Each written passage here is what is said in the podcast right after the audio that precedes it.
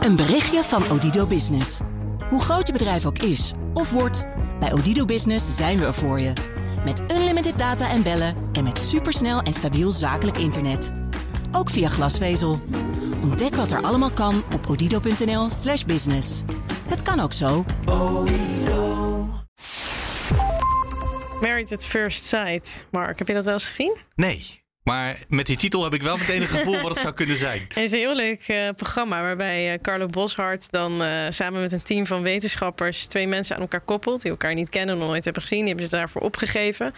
En dan um, de eerste keer dat ze elkaar ontmoeten is voor het altaar. En dan gaan ze trouwen. Dan worden ze gelijk die dag worden ze met familie en vrienden erbij, die dan ook allemaal zijn georganiseerd dat die daar zijn.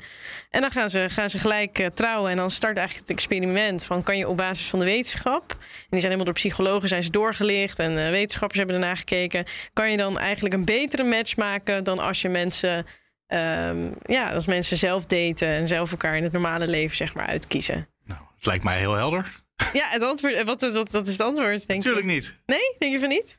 Nee. Ja, het is echt uh, het is een fascinerend experiment om naar te kijken. Ik denk dat er wel wat in zit in die theorie. Want je hebt wel vaak een eigen bias in je eigen leven. Dat je door slechte ervaring met mensen uit het verleden. of gewoon door de kring waarin je begeeft. je vaak wel dezelfde mensen misschien wel of niet een kans geeft of tegenkomt. En nu krijg je de kans om eens helemaal.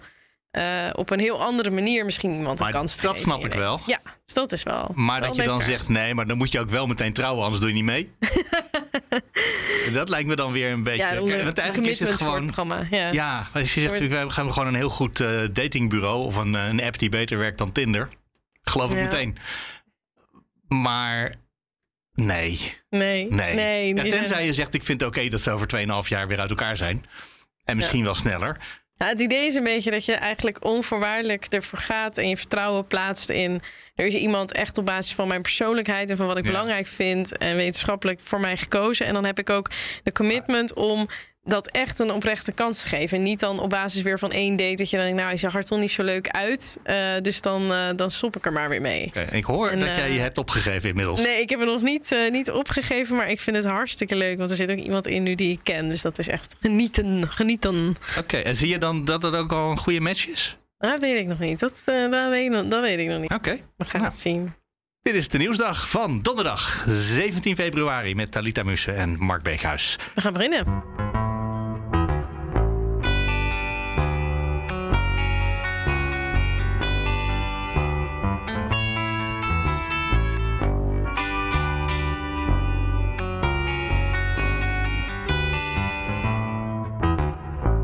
Beginnen met, eh, met de kroondomeinen? Ja, de kroondomeinen, het Koninklijk Huis. Dat is altijd een van mijn favoriete onderwerpen. Ja, ik heb helemaal niks met Koninklijk Huis. Nee, ik ook Maar- niet. Maar ik kan altijd dus zo boos om worden. Daarom is het een van Oh, mijn ja. favoriete onderwerpen. Nou, Dus maak me eens boos. onderzoek van Zembla, daar zou je misschien wel boos om kunnen worden dan.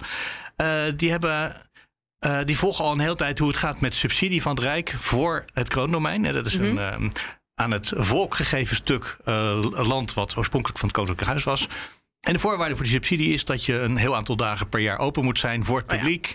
En dat zijn ze niet, want een paar, jaar, ja. een paar weken per jaar eh, gaan ze jagen. En dan mag je er natuurlijk niet in, want dat zou natuurlijk gevaarlijk zijn. Ja, Maar dit is allemaal oud nieuws. Maar wat er nu naar buiten komt, is dat eh, Zembla. eh, ze brengen naar buiten hoe de overheid het Koninklijk Huis in bescherming neemt. Er is een organisatie die, die een eh, rechtszaak wilde voeren tegen het Koninklijk Huis. Over Ja. die subsidie, of eigenlijk niet eens tegen het Koninklijk Huis. Tegen die subsidie die het Koninklijk Huis heeft aangevraagd. En een bezwaarschrift ingediend, dat werd afgewezen. Maar als u het er niet mee eens bent, kan u naar deze rechter om het aan te vechten. Ja. En dat was niet waar. Dat was de verkeerde rechter. Die ging er niet over. ja. Dus dat leidt meteen tot heel veel vertraging. En dat is wat. eh, dat is dus opzettelijk gedaan. Of niet? Daar heeft verkeerde rechter van, ja. Oh, oké. En wie heeft het dan gedaan? het ministerie van Landbouw, LNV. van Landbouw heeft dit. eh, Oké, ja. Van het ministerie van Natuur eigenlijk in dit geval dan. Ja, het ministerie van Natuur. Die vertraagt eigenlijk het, eh, het, het onderzoek naar die subsidie. Ja, dat wel is. onderzoek. Ja, precies. Ja, ja. Dus die zitten gewoon de rechtsstaat te saboteren bij dat Ja. ministerie. Het past bij eh, dat de subsidie, die waarschijnlijk niet rechtmatig is, toch bij de koninklijke familie terechtgekomen is. Ja. Eh, dus misschien. En ja, het past bij het onderwerp waar we het vandaag over gaan hebben, namelijk ons zelfbeeld. Bedoel, wij denken dat we een rechtsstaat hebben Ja, in nou. Nederland, maar dat is dus eh, rechtsstaat betekent dat iedereen voor de wet gelijk is. Dat is misschien dus niet zo in het geval van het Koninklijk Huis.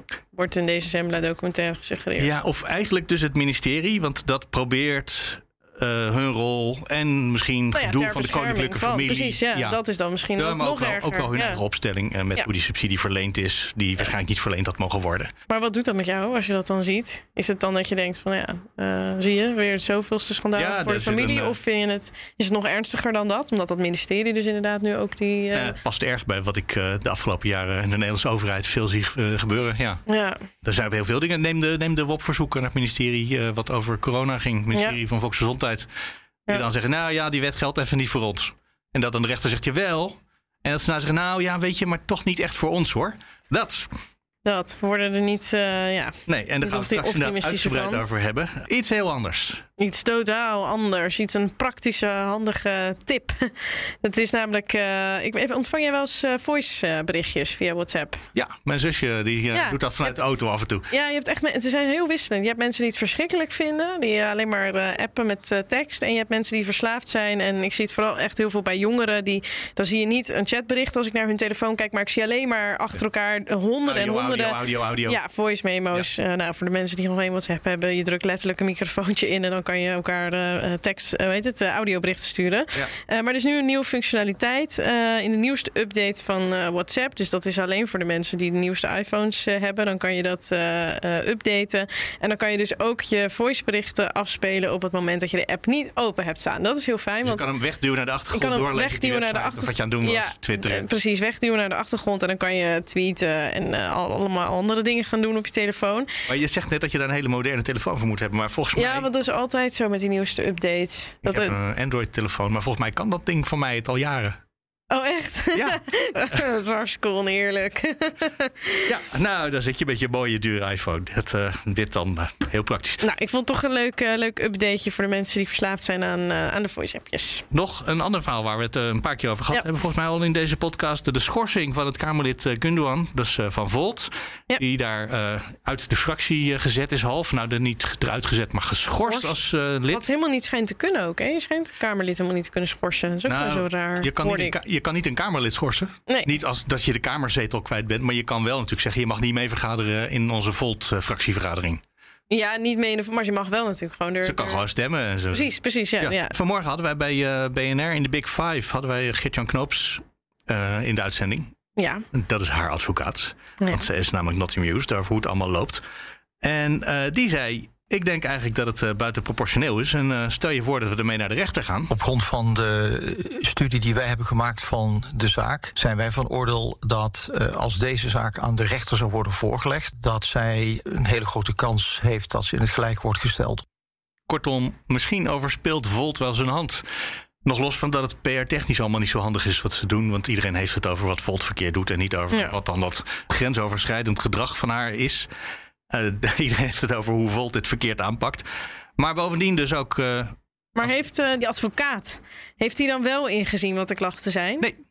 Maar waar dan Nou, zijn uitspraak ik moet het anders waard. Ja. Officieel nee, maar er wordt natuurlijk wel heel veel gepraat. Dat Zo'n advocatenkantoor gaat Ja. om zich heen bellen. En hij zegt van wat wij weten, wat we tot nu toe horen. Maar we weten officieel niks. Maar van wat we horen eh, is het buitensporig. Ja. Ja, ja, wij zeggen als je niet weet waar het over gaat, is het, kan, het ook niet, kan je niet weten of het buitensporig is. Nee, ja, dus Oh. hij is, dit is gewoon typisch advocatentaal, toch? Dit is gewoon eh, aangeven dat het allemaal heel erg is eh, voor haar en een vervelende situatie. En natuurlijk doet hij dat. Natuurlijk is dit heel slim. Ik moest gelijk denken aan de advocaat vandaag van Little Kleine, die zegt dat het ook voor Little Kleine een hele vervelende situatie allemaal is. Ja. Dat is zeker Ja, waar. Nee, ja, dat is dit doen waar. advocaten altijd. Weet je, zelfs van de grootste boeven en de meest bizarre zaken, dan, dan weten ze nog zo precies dat naar voren te halen dat hun, eh, degene die zij verdedigen, eh, verkeerd behandeld is. Of eh, het allemaal heel lastig is, die zaak. Of dat de zaak eh, partijdig is, of wat dan ook. Weet je, dit, ik, ik krijg er geen waarde aan, aan zoiets. Aan die uitspraak van, van Gert-Jan. Dit is een goede advocaat. Goeie advocaat. Dus in de categorie voorspelling dan voorspellen dat je binnenkort een advocaat nodig hebt? Ja, dat lijkt me zomaar eh, met al die uitspraken hier bij BNR, bij de nieuwsdag, lijkt Nee. me dat, dat dat van pas gaat komen. Moet hij iets beter verzinnen? Nou, ik ben wel heel benieuwd wat er gaat gebeuren wel hoor, met dit binnen Volt. Dit is wel spannend voor ze. Oh, ga je Gaat ze voorspellen af- dat ze afsplitst? Ik ga voorspellen dat ze afsplitst. Dit, Binnen hoeveel tijd? Binnen uh, twee maanden. Kijk, als het uh, allemaal blijft, uh, blijkt mee te vallen en Volt gewoon echt heel snel heeft gehandeld, onjuist heeft gehandeld, dan denk ik ook dat je dan in, de, dat dan altijd zo'n schijn blijft van was dit misschien een soort politiek spelletje. Hè? Van speelde er iets anders, wil je me wegwerken? Of dan, want anders ga je niet zo, dit niet zo inzetten. En aan de andere kant, als het dus wel echt is, ja, dan is het ook gedaan. Dus het is in beide gevallen is het eigenlijk denk ik niet kan meer... wat langer duren dan twee maanden. Het, het kan wat langer dan twee maanden, maar dit is denk ik niet meer te repareren. Okay. Ja, in dat geval zou ik zeggen, splits je dan nu maar af voor de helderheid. ja. En vanmorgen kwam eindelijk het rapport over wat Nederland heeft gedaan in Indonesië tijdens Ja. de decolonisatieoorlog. eh, en hoe gewelddadig het eigenlijk was. Ja, het dat was ergens waren. eh, eind... eh, nee, dat was in 1945, zei hij tegen mij vanochtend aan de telefoon. Serieus, wist je dat niet? Ik had het niet... ik wist dat het einde van de Tweede Wereldoorlog inderdaad ongeveer was. Ja, oké. Maar eh, ja, Ja, en ik weet er niet veel. We hebben, ik heb het nooit op school gehad bijvoorbeeld. Of nee, zover ik me kan herinneren niet. Nooit iets over gehoord op school. Weet je, Ja, ik heb daar heel veel over, les over gehad Echt? op school. Ja? Ja, eh, Nederland heeft zich nogal misdragen. En er is ooit een keertje een excessennota over geschreven. Ja. Vlak nadat het gebeurde was. Toen werd duidelijk dat er in ieder geval een paar keer wat mis was gegaan. Maar dat waren excessen. Kennelijk dus eh, niet structureel. En vandaag, nog weer 50 jaar later, weten we dat het wel degelijk... eh, wat zeg ik, 70 jaar later inmiddels alweer. ja. eh, dat het wel degelijk 70 misging. Het is excessief geweld, hè? Ja? Is, het, eh, is uit het rapport gekomen. Ja. Ja, en we wilden het over hebben volgens mij, omdat jij ook nog zei van... Is het nou weer een soort het, het zoveelste krasje op het zelfbeeld van ons als eh, Nederlanders? Ja, precies. Precies. Gisteren hadden we nog de beste ge- gezondheidszorg in de wereld. Tot het rapport uitkwam over corona. Nou ja, elke keer, we waren toch een belastingparadijs. Er zijn heel veel redenen waarom Ja, het toch niet... slavernijverleden, eh belastingparadijzen, narcostaat. Het lijkt een opstapeling inderdaad de afgelopen twee jaar, denk ik zo ongeveer, van eh, deukjes in het zelfbeeld. Maar het doet niks met ons zelfbeeld, was mijn theorie. En ik dacht, ik wil dat voorleggen aan Thomas van der Dunk, een historicus bij de Universiteit van Amsterdam. Ja, nu aan de lijn, goeiedag. Goedemiddag. Wat dacht u toen u vanmorgen hoorde wat er uiteindelijk allemaal in het rapport terechtgekomen is? Eh, Verbaasd? Nee, omdat het natuurlijk voor iedereen die nadenkt en wat weet, afgaand op de samenvatting, eh, niet zo wel veel nieuws brengt. Eh, Dat het niet alleen maar excessen waren, maar tamelijk structureel is natuurlijk al uit een aantal eerdere onderzoeken ook gebleken. Misschien is het nu nog een stuk systematisch, een stuk grondiger. Het enige wat enigszins nieuw is voor mij, is dat men ook heel duidelijk heeft bloot te leggen dat het in de doofpot is gestopt. En dat dus de politiek iedereen ervan wist en heel bewust het heeft weggeduwd. Daar is, heb ik het idee, meer boven tafel gekomen eh, dan we tot nu toe daarover wisten. Maar goed, de Nederlandse regering heeft zich hier een beetje gedragen, zal ik maar zeggen, als meneer Zorrietta, die ook beweerde dat hij helemaal niets door had. van Wat er mis was in Argentinië. Eh, waar de buitenwereld natuurlijk dat wel wel wist. U zei net, eh, iemand heeft wat in de doofpot gestopt. Wie heeft wat precies in de doofpot gestopt? Nou ja, de, eh, op het ministerie heeft men toch gewoon dingen. Dat doet men natuurlijk wel vaker. Rapporten die niet van pas komen, die, jaagt men een la op. En ik heb begrepen dat eigenlijk ook hier dat wel het geval is geweest. Want heel bewust dus verantwoordelijke, of dat nou de secretaris-generaal is geweest van het ministerie, of misschien minister zelf. Eh, het niet opportun achten om dit eh, met het publiek te delen. Oh, dat veel op een lager niveau ging het ook al mis. Want er werd bewust eh, een verkeerde administratie van doden over en weer bijgehouden. Waardoor we eigenlijk Ja, geen idee hebben hoeveel doden er op Indonesië gevallen zijn. Ja, nou ja, dat houden wij niet bij. Dat heet collateral damage. Ook in Afghanistan Nou. is die vraag natuurlijk ook wel eens door journalisten gesteld. Eh, van ja, hoe zit het met de doden aan de andere zijde? En dat werd eigenlijk vrij... Ik weet niet of dat toen door, door generaal Berlijn zo gezegd werd... maar in ieder geval, er werd iemand die daar vrij mond op merkte... ja, nee, dat houden wij natuurlijk niet bij. Ja, dat is ook iets te pijnlijk om te moeten bijhouden. Ik bedoel, dat is natuurlijk een hele menselijke trek. Ja, u oordeelt niet te hard over hoe, hoe menselijk het is. Nou ja, ja. eh, ik ben niet zo snel meer verontwaardigd, laat ik het zo zeggen. Ah, oké. Die, die fase ben ik eigenlijk een beetje voorbij. Eh, waarbij, eh, omdat ik, ja, kijk, er bestaat geen nette oorlog. Laten we daar eens mee beginnen. Nette oorlogen bestaan niet. Nederland doet natuurlijk altijd alsof. Daarom noemen we dat soort dingen ook niet oorlog. Dat noemen we dan een humanitaire missie. of noemt de politiële actie. Dat is natuurlijk een heel veelzeggende term voor Indonesië, de politiële actie noemde. wij zien dat namelijk niet als een kwestie van een politiek conflict, maar iets als kwestie van politie.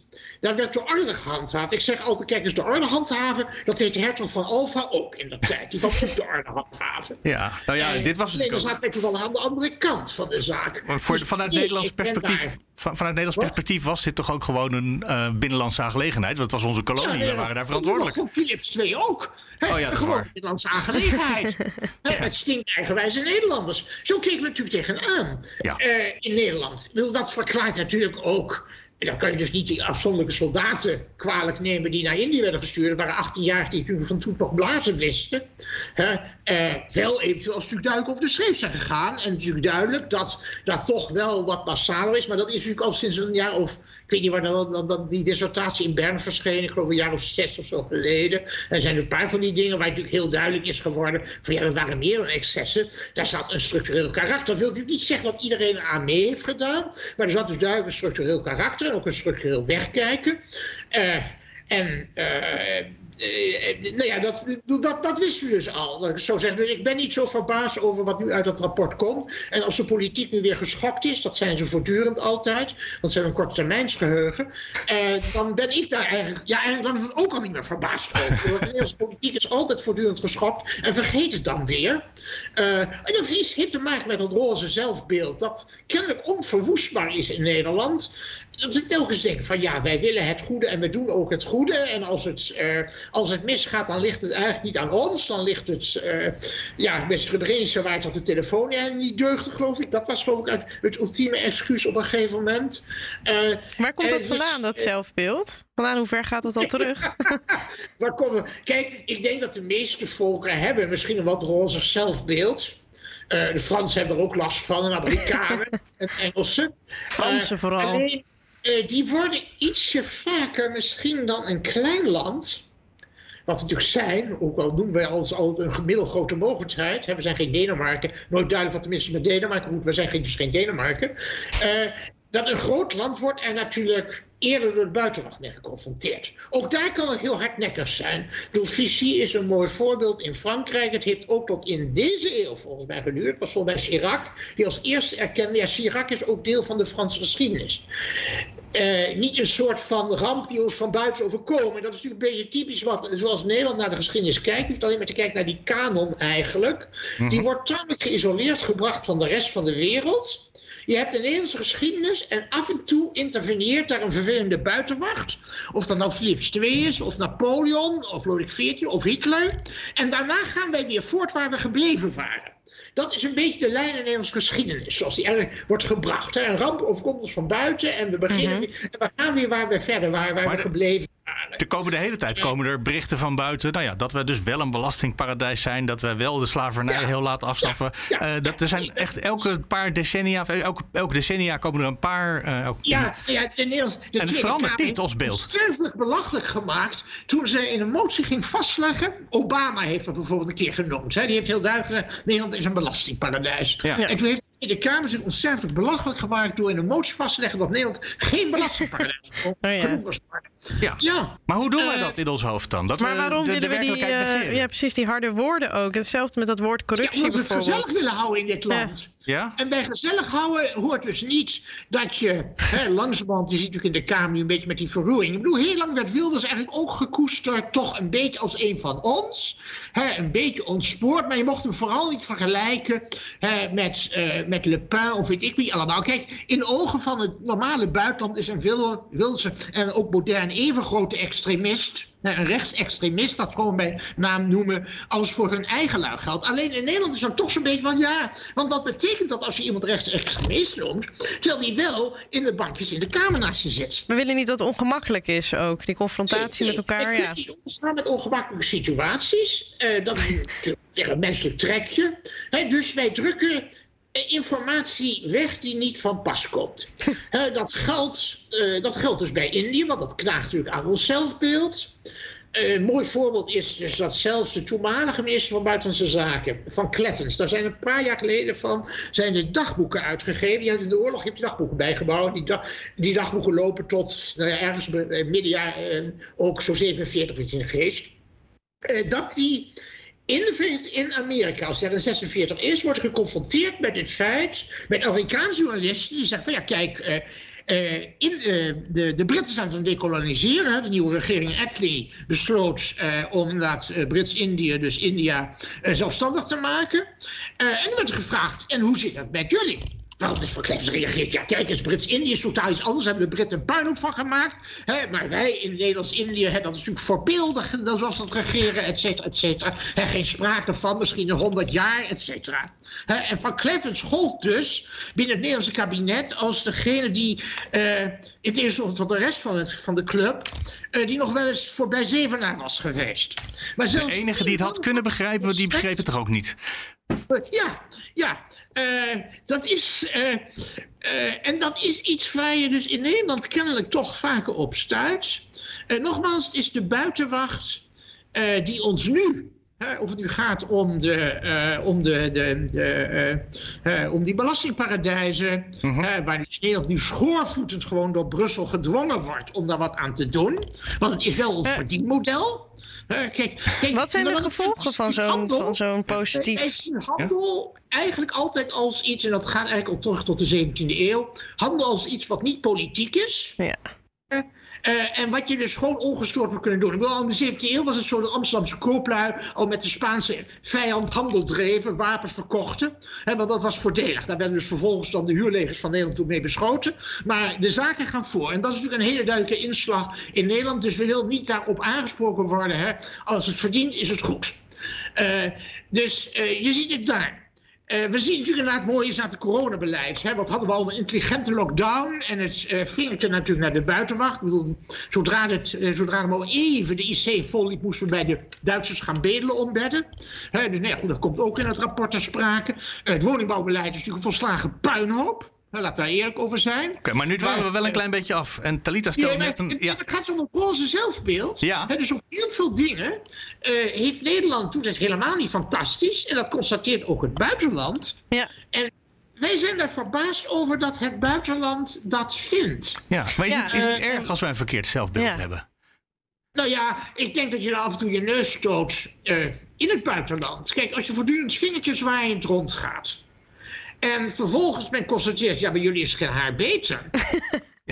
ja. Nee, ja. En dat is waarschijnlijk zo, want de meeste landen lijken op elkaar. De meeste mensen lijken op elkaar. Ja. Ja, maar goed, niet elk Ja, maar het is heel ergelijk als je doet alsof het natuurlijk wel bij je beter is. Ja, dat is vooral ja. zo vervelend. Nou, het is vooral heel ergelijk dat Nederland inderdaad wel moreel verheven doet naar andere landen. Dus over andere landen wel praat over corruptie. Uh, terwijl, we zelf, nee, terwijl we zelf bananenrepubliek zijn. Ja.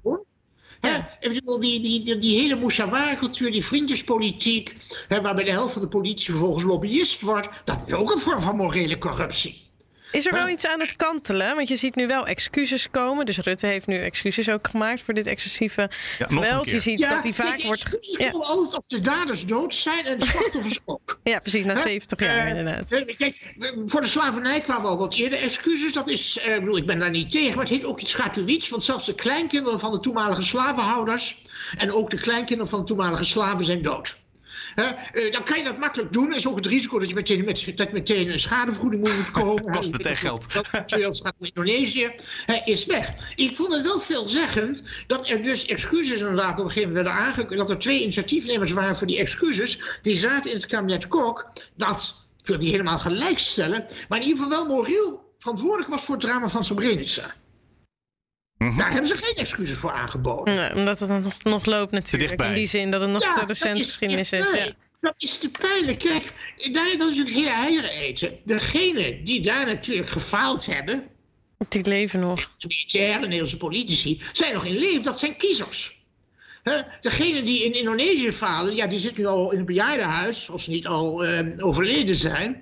Uh, dus die zijn niet meer, die, dat is geen electoraat meer. Ja, dus eigenlijk zegt u, er is niet echt een oprechte aanpassing van ons zelfbeeld. Uh, ja, nu, maar, nu, merkbaar nee. of zichtbaar. Maar is het misschien ook niet zo dat we op het ogenblik gewoon een heel groot stuk van Nederland hebben wat hartstikke woke is. En dus gewoon die excuses eist, eist en dat er dus misschien wel iets aan het veranderen is. Ja, dat is zo, maar goed, ze komen dus alleen ze komen dus nu misschien wel. Hè? Uh, maar ze mogen vooral geen financiële consequenties hebben. Niet dat het zo overzichtelijk is wat het dan betekenen moet. Maar het zijn dus vooral excuses uh, voor, uh, ja, voor daden ongevaarlijk zijn. dood zijn. Ja. En daar zit iets gemakkelijks in. Want de dode dader kunnen niet meer tegen de huidige politici zeggen. Ja, maar als jullie in onze situatie hadden verkeerd, hadden jullie het beter gedaan. En ik kan eraan toevoegen als historisch ben wel overtuigd dat als ik kijk naar wat er nu als minister dient, dat een groot deel daarvan in die situatie niet anders gehandeld zou hebben. Ja. Uh, en dat maakt het dus een beetje moreel gemakkelijk voor een kabinet nu om zich te verontschuldigen van mensen die al lang dood zijn.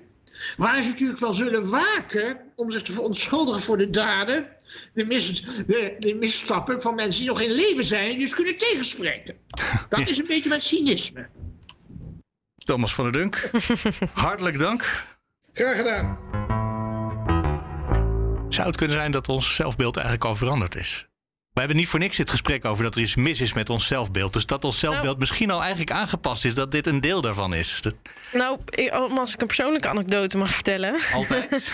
nou, mijn moeder die komt uit Peru en die heeft altijd een heel uh, negatief beeld van uh, politici en van het bestuur en de politie. Omdat je, ja, weet je, daar is het gewoon. Een grote corrupte bende de hele tijd. En wij hebben altijd, ik heb heel mijn leven geprobeerd mijn moeder ervan te overtuigen dat Nederland niet zo is. En mijn vader ook. Dus echt van jongs af aan heel in gesprek. Maar mijn moeder zei altijd, ja, Nederland is precies hetzelfde. Maar dan hebben de mensen een stropdas aan. Maar het is gewoon dezelfde corrupte bende en zo. En wij vonden er altijd gewoon heel pessimistisch en cynisch. En dat is niet waar. Hier is het echt anders. Wij zijn een heel degelijk net land. En, je begint langzaamaan je moeder te geloven. Ja, ja, en dat is, dat, maar ook cynisch en jammer. Pijn in mijn hart. Ja, ik vind het heel erg. Maar de laatste twee, drie jaar denk ik wel steeds meer. Nog niet zo erg zoals hij het heeft, maar wel dat ik denk, ja, inderdaad. Uh, het is inderdaad wel veel minder netjes. Het, het, verschil is niet zo groot. Misschien is dat het. Ik dacht dat er een wereld van verschil tussen Nederland en Peru. Het is een heel klein verschil. Het is, een, het is hier en daar net wat anders, maar het is bijna hetzelfde. Nou, met die opgewekte gedachten sluiten we af voor vandaag. Nou, dat ik dus weer dichter bij mijn moeder sta. dat is ah, vrij, dat is vrij. Dat is het begin, ja, precies. Positief, ja. Als je weg wil, kan je altijd nog naar Peru. Want en dat, ik, want dat is toch niet heel anders. Dus ja. uh, we zijn juist dichter naar elkaar gegroeid. Weer is daar vast beter. En, en dat ook nog eens. Dus dat, uh, dat compenseert weer heel, heel veel. Nou, niet alleen jou, al onze luisteraars. En vanaf daar kan je ook gewoon abonneren op de Nieuwsdag. Pak gewoon je, uh, je podcast-app er even bij. Zoek de Nieuwsdag. Wat zei je steeds? Sterretjes, ballen? Sterretjes, ballen, cadeautjes, hype, alles. En hype is heel simpel. Hè? Dat betekent gewoon dat je tegen de figuur naast je in de metro straks zegt... weet je waar ik naar zat te luisteren? Ja, dat is echt hype, ja. Gewoon, en dan mag, je hoeft die mensen naast je in de metro ook niet te kennen. Je kan gewoon willekeurig mensen aanspreken en zeggen... de Nieuwsdag, luisteren. Precies. En je kan mede de nieuwsdag.bnr.nl. Tot morgen. Nee, niet tot morgen. Tot volgende week. dit, dit leren wij nooit. dit leren we nooit, nee. Tot de volgende week.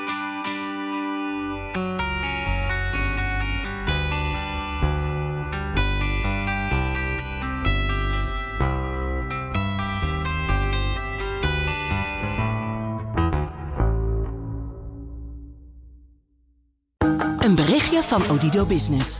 Hoe groot je bedrijf ook is of wordt, bij Odido Business zijn we er voor je. Met unlimited data en bellen en met supersnel en stabiel zakelijk internet. Ook via glasvezel. Ontdek wat er allemaal kan op odido.nl/business. Het kan ook zo.